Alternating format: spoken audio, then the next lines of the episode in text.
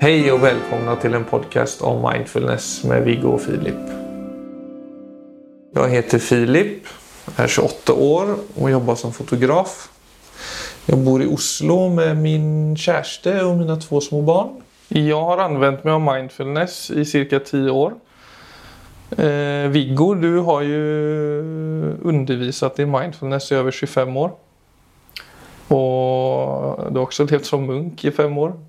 När du var litt yngre enn det du er nå. Ja, det begynner å bli noen år siden. Du har og har hatt din reise i mindfulness, kan man si. Det har vel, eh, hvis du i hvert fall tenker på mindfulness som eh, altså tilstedeværelse, ikke bare som en sånn pusteøvelse, så kan jeg vel si at det har vært eh, kanskje det mest sentrale aspektet i livet mitt de siste 27 årene.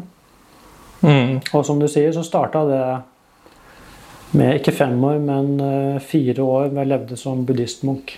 Ja. Fra jeg var 22 til jeg var 26. Og nå er jeg blitt 49. Så, Mm. ja, så det begynner å bli noen år siden. Men det var der det begynte. ja, og vi treffes jo for ca. seks år siden. Det var da jeg hadde kommet til Oslo. Da jobbet jeg på Joe and the Juice. Når de hadde åpnet i, i Norge. Jeg husker det veldig godt. Da jobbet jeg på et sted som het Intui. Som var uh, egentlig et senter for eh, mental trening. Ja. Som var nyåpnet i Karnslyst allé. Og da spiste jeg stort sett lunsj Hver dag. John the Juice, for det lå bare 100 meter unna. Så satt jeg og skrev på et dokument om mindfulness, som jeg tror du Så gikk du forbi, og så så du det. Ja, för jag hade ju, alltså jag hade en, en eh, eller jag gick igenom en tuff period när jag var som 19-20. En väldigt sån intens tuff period. Som i sig har varit en process liksom i mitt liv senare och idag också. Men eh, mind, när jag läste en bok eh, om mindfulness, eller i vart fall om essensen av mindfulness. Och det var liksom första mötet som jag som jag hade med mindfulness på riktigt vill jag nog säga. För jag hade ingen miljö hemma i Sverige där jag helt kunde spegla det jag var intresserad av. Så där, när, du, när jag såg dig på, sitta där på kaféet, då var det att du satt och jobbade och så stod du, jag minns det tydligt att det stod mindfulness i arbetslivet på din skärm. Stemmer. Och då var det liksom var sån fysisk form.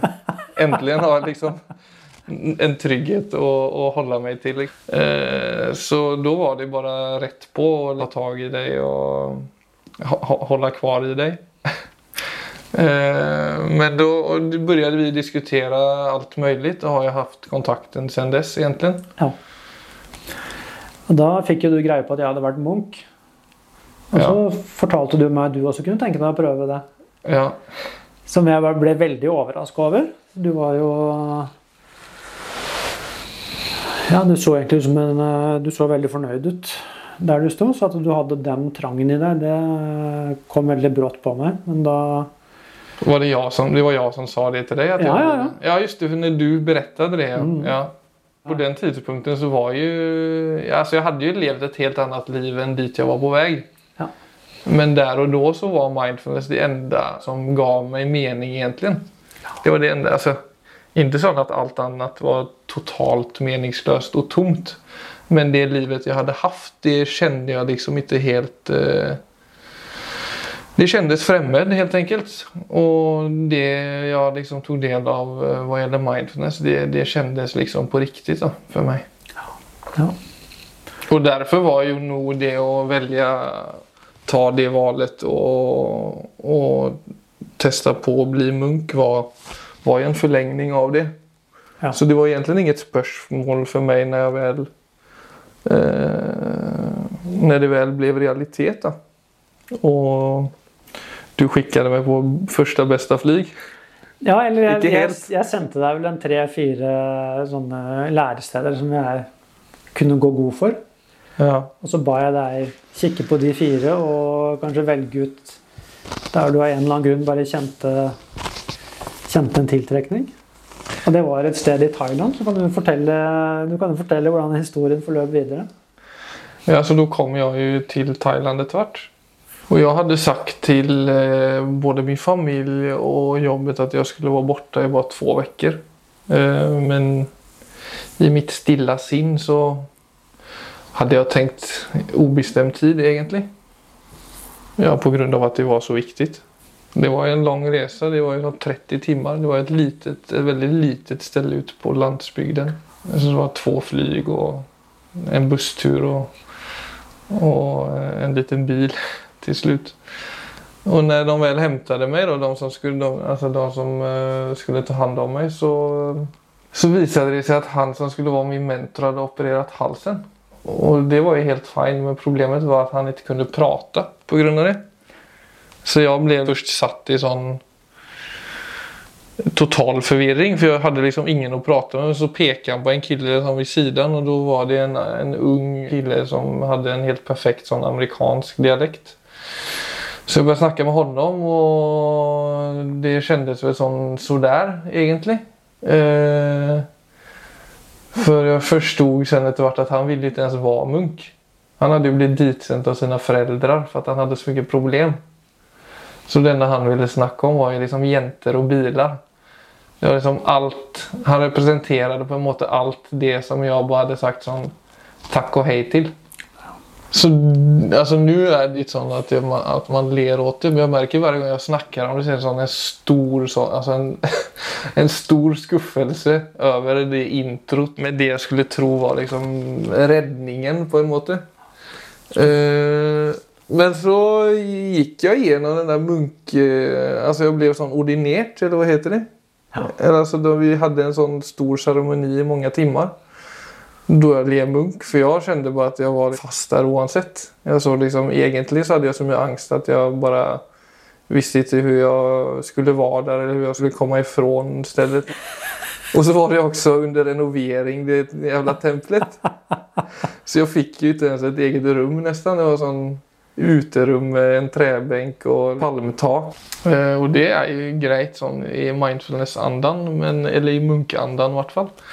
Men det der, der, det der flotte tempelet oppe i fjellet, det var litt ja, far, sånn. far away. uh, men jeg, ja, som sagt, jeg var liksom sånn midt imellom. Så jeg vil ikke være der, men jeg vet ikke hva jeg skal si heller for å komme meg ut. Så jeg dro en sånn helt sinnssyk røverhistorie for å liksom At min kompis hadde skadet seg i Thailand. Jag måtte fly hem med honom och så började han spørre om jeg var kriminell och det spårade, och det, det spårade helt ut där faktiskt. Men så körde, men ja, men jag var, jag blev liksom, fick lov att vara munk i två dygn då. Og så var jeg liksom helt ferdig med den uh, opplevelsen efter det. Utrolig historie. Og da var jeg så fuck off buddhism og fuck off mindfulness. og jeg hadde liksom ingen perspektiv annet enn at den opplevelsen var bare en mardrøm. Ja, du får jo egentlig da Altså alle dine forventninger får du jo da midt i fleisen tilbake. Er, uh, så det skjønner, jeg skjønner veldig godt den skuffelsen over å Altså du, du kom jo med en uh, det vil kunne kalle en eksistensiell sult. Ja. Og den eneste du kan snakke med altså er sendt hit av foreldrene sine og vil egentlig bare uh, ha alt det som, som, du har sett igjennom. Altså det er klart det blir jo en uh, ja, altså Han tenkte at han, kunne, at han, kunne, få tilbake bilene og jentene via mail. Ja. At der var det var liksom kontakt med omverdenen igjen. Ja. Når jeg kom tilbake til Norge, så var det litt aktuelt med mindfulness lenger. Det tok mange måneder innan jeg innan jag liksom började reflektera lite över det och det gick också en viss distans till den upplevelsen där. Och då fick jag en sån meditationsputa av dig, minns jag. Och det var så den här ska jag ta vara på. Nu är det liksom next shot här. och då, men en dag etter jobb når jeg kom hjem så var den jo helt i stykker den. På den tiden så hadde vi en liten valp som jo elsket å bite sønder skor og det var jo liksom krise i seg selv. Men at den skulle være så interessert i min meditationspute. Så han spiste opp meditasjonsputa di? Ja. Fullstendig. Og det, det, var, det var Ja. Så den, det, altså den der motstanden mot min reise inn i det der som jeg så gjerne ville utforske, de, det, det fortsatte, liksom. Så alle, alle, utvendighetene ble egentlig bare tatt fra deg. Da. Med en gang du Med en gang du forsøkte, så ble det bare tatt fra deg. Eh, Men det var det jeg skjønte når jeg faktisk begynte praktisere mindfulness. At det, handler, altså det, det er totale motsatsen. Altså det du trenger for å faktisk få det bra i livet, det er, det er liksom helt i din rekkevidd. Du sitter på de verktøyene selv.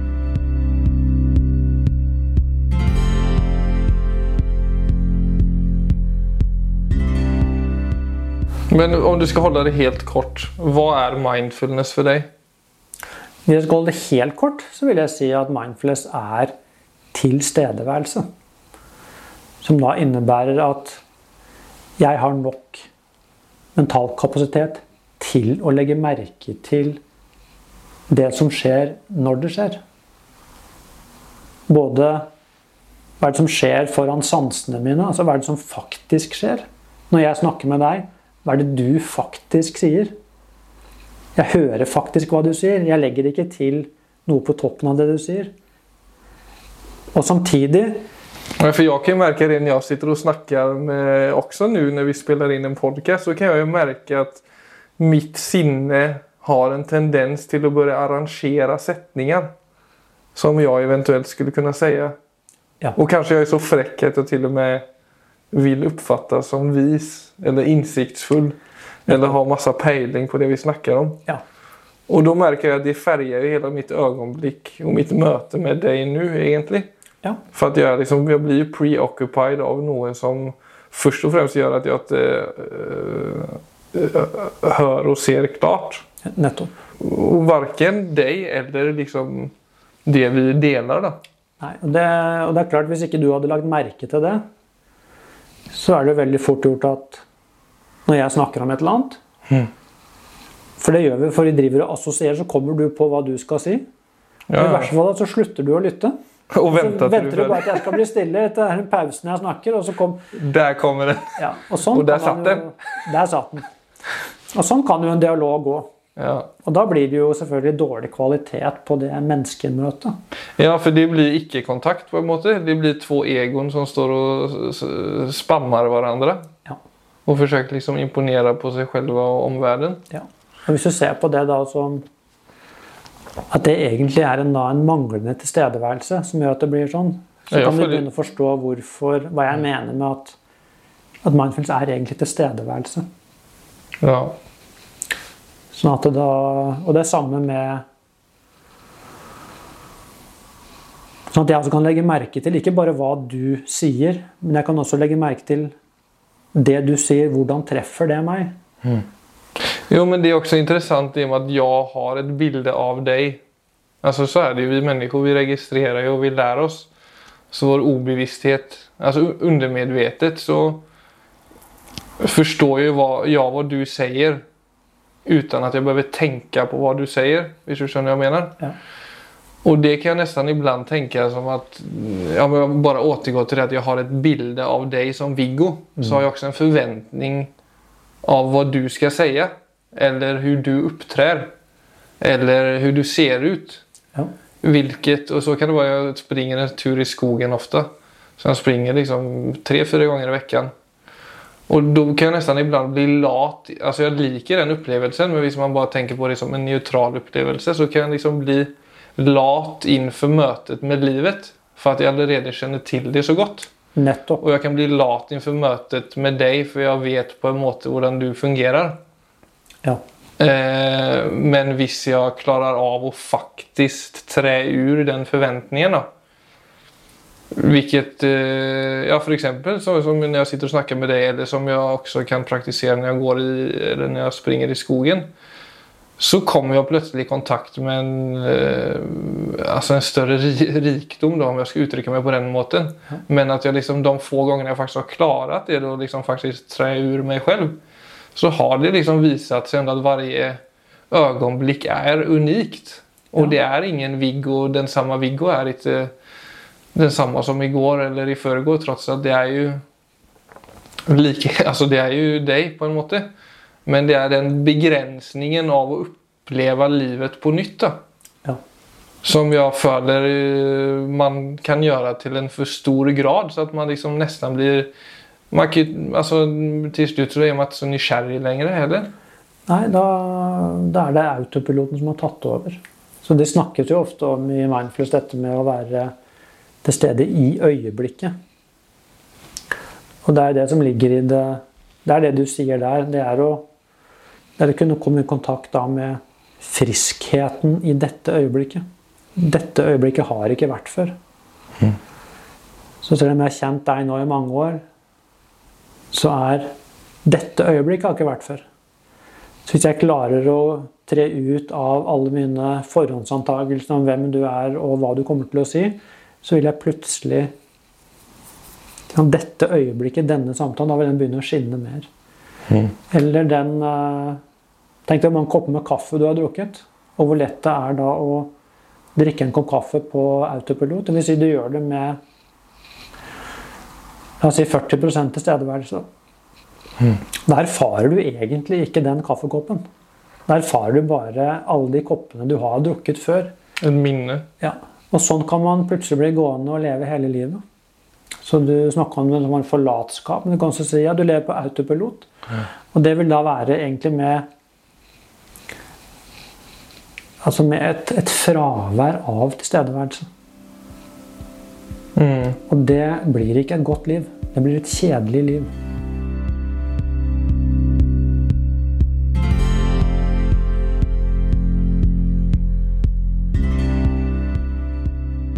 Nu är vi ju, alltså hela världen är ju i, i en eh, speciell situation vad gäller corona. Ja. Eller covid-19 i finare språk. Eh, det är ju en, en test för människor på många måter. För att det vi ofta förhåller oss till som trygga ramar. Då. Alltså det som är i det yttre livet med jobb och sociala relationer och så vidare. Det blir litt dratt inn, og det blir, eh, det blir det mindre av Og vi får spendere mer tid med oss själva. Eh, og, og, da har jeg jo tenkt på det, altså, sånn, det å ha et godt forhold til seg selv også, kanskje når det ikke skjer så mye. Og i stunder og situasjoner da du blir tvungen til att Ja, du kan ikke kalle det fly da. Altså, det er mye vi gjør av interesse og, og, sånt også. Men så er det mye av vår aktivitet som også er å, fly undan eh, vårt egne selskap iblant. Absolutt. For at eh, man syns ikke det er så fett alltid. Denne situasjonen vi står i nå, hvor, uh, hvor vi er på en måte i tvungen isolasjon Så jeg vil si det er en av de interessante tingene ved denne situasjonen som det også kan komme noe godt ut av. Fordi at alle nå blir Alle blir tvunget til å være med seg selv. Du har ikke alle de fluktrutene som vanligvis er tilgjengelige. Det har blitt tatt bort. Sånn at det blir det blir synlig for alle. Altså, hvordan har jeg det egentlig med meg selv i mitt eget selskap? Og det kan jo enten være at det er veldig ubehagelig. Men det kan også være at det er ubehagelig lite grann, og så kommer man liksom man bryter gjennom en mur og oppdager at så det er godt at tempoet senkes litt. Jeg tror det er mange i dag som, eh, som også får aha-opplevelser rundt betydningen av stillhet. Betydningen av at det ikke skjer så mye. Som, eh, og at disse verdispørsmålene, Mm. som ofte ligger litt dypere i sinnet enn det man kanskje får tak i i en hektisk hverdag. At man får kontakt med de eh, dypere verdispørsmålene. De kommer måte ofte fram i stillheten. Så jeg syns det blir veldig spennende å se hva gjør vi når denne situasjonen går tilbake til, til normalen. Ja, alltså jag har ju tänkt på det, det är lite sån vad, vad, vad vi människor etablerar trygghet då kanske. Alltså för världen, livet i sig själv är ju oförutsägbart Ja, är för alla det. människor. Det er akkurat det. Og det er en av hvis- grunnene til at vi helst ikke vil forholde oss til det. For vi har ikke kontroll på eksistensen. Den, den er per definisjon usikker. Vi aner faktisk ikke hva neste øyeblikk bringer. Vi tror vi vet det, men vi gjør ikke det.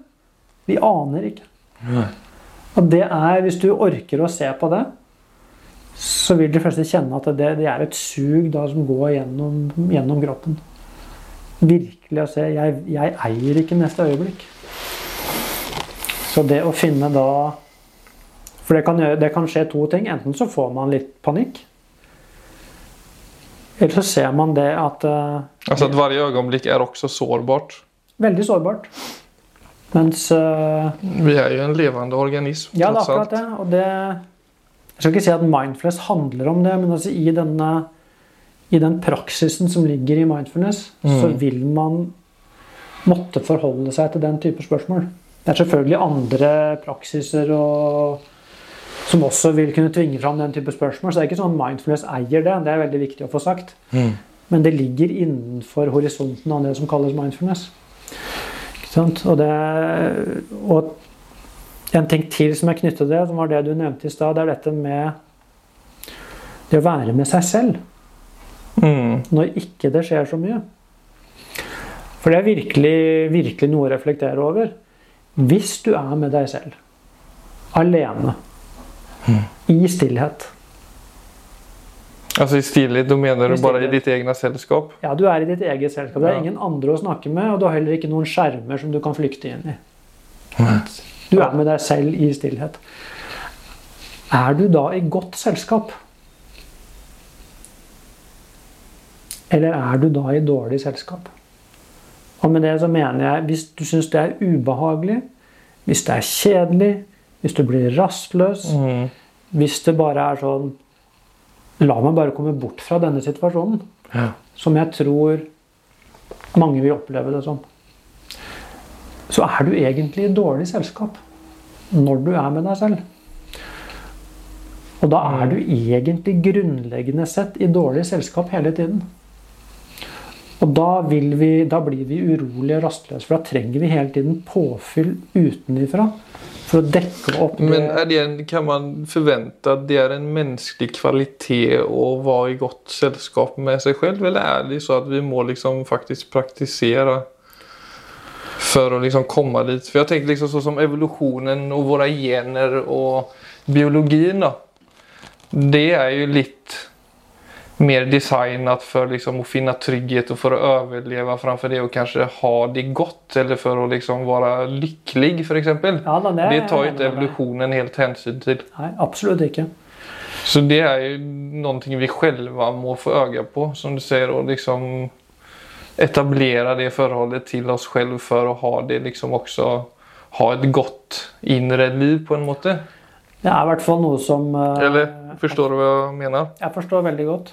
Så det er klart en, eh, altså en kontemplativ praksis, altså en meditasjonspraksis eller lignende, vil jo hjelpe enormt på at man faller altså dypt til ro med seg selv. Så at det er en Når jeg er med meg selv, så er det en fylde. Men jeg tror også at vi Altså i den moderne verden så går ting så fort.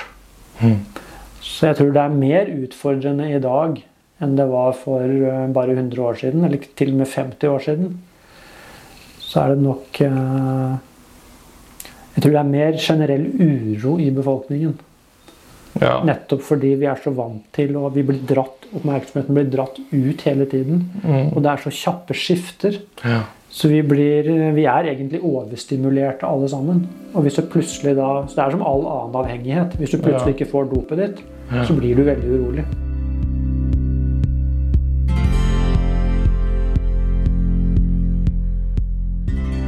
Jeg tenkte jeg skulle avslutte avsnittet med noen tanker som jeg har skrevet ned. Jeg sprang rundt Sankthanshaugenparken i Oslo da jeg så en reklamskylt ved busskuren. Tre nye smaker i en og samme sjokolade. Det er altså inte nok med att kommersiella aktörer puttar varenda smak man kan finne i sine produkter. Nå skal man faktisk få chansen å få tre smaker i en produkt. Vi sitter på våra telefoner och scrollar. Den ena nyheten passerar den andra. Den ena informationen hinner vi inte bearbeta förrän den nästa dykt upp. Vi köper en telefon vi trodde var ny. Två veckor senare släpps en bättre version. Samhället går raskare och raskare och vi utsätts för mer information på en dag än vad Shakespeare gjorde under hela sin livstid. Vi lever våra liv 11 år på en telefon. Lever vi inte längre i takt med livet, men i takt med teknologin. Vi gör allt vi kan för att göra livet enklare och bekvämare. Men det vi egentligen gör är att göra oss själva latare. Vi tvingas inte längre utforska och finna ut på egen hand vem vi är och vad vi står för. Samfundet gör det för oss med sin reklam, politik och sina samfundsidealer. Till slut står vi utslitna och frågar oss, vem är jag i allt detta? Vi äter inte längre bara Melkerchoklad, vi äter det med tre olika smaker. Och god gammal Melkerchoklad är inte längre nog som den är. Och vem vet, kanske det är detta vi kommer utforska i denna podden. Livet är trots allt ett gäng ögonblick och det är kvaliteten av dem, inte kvantiteten, som blir kvaliteten i våra liv.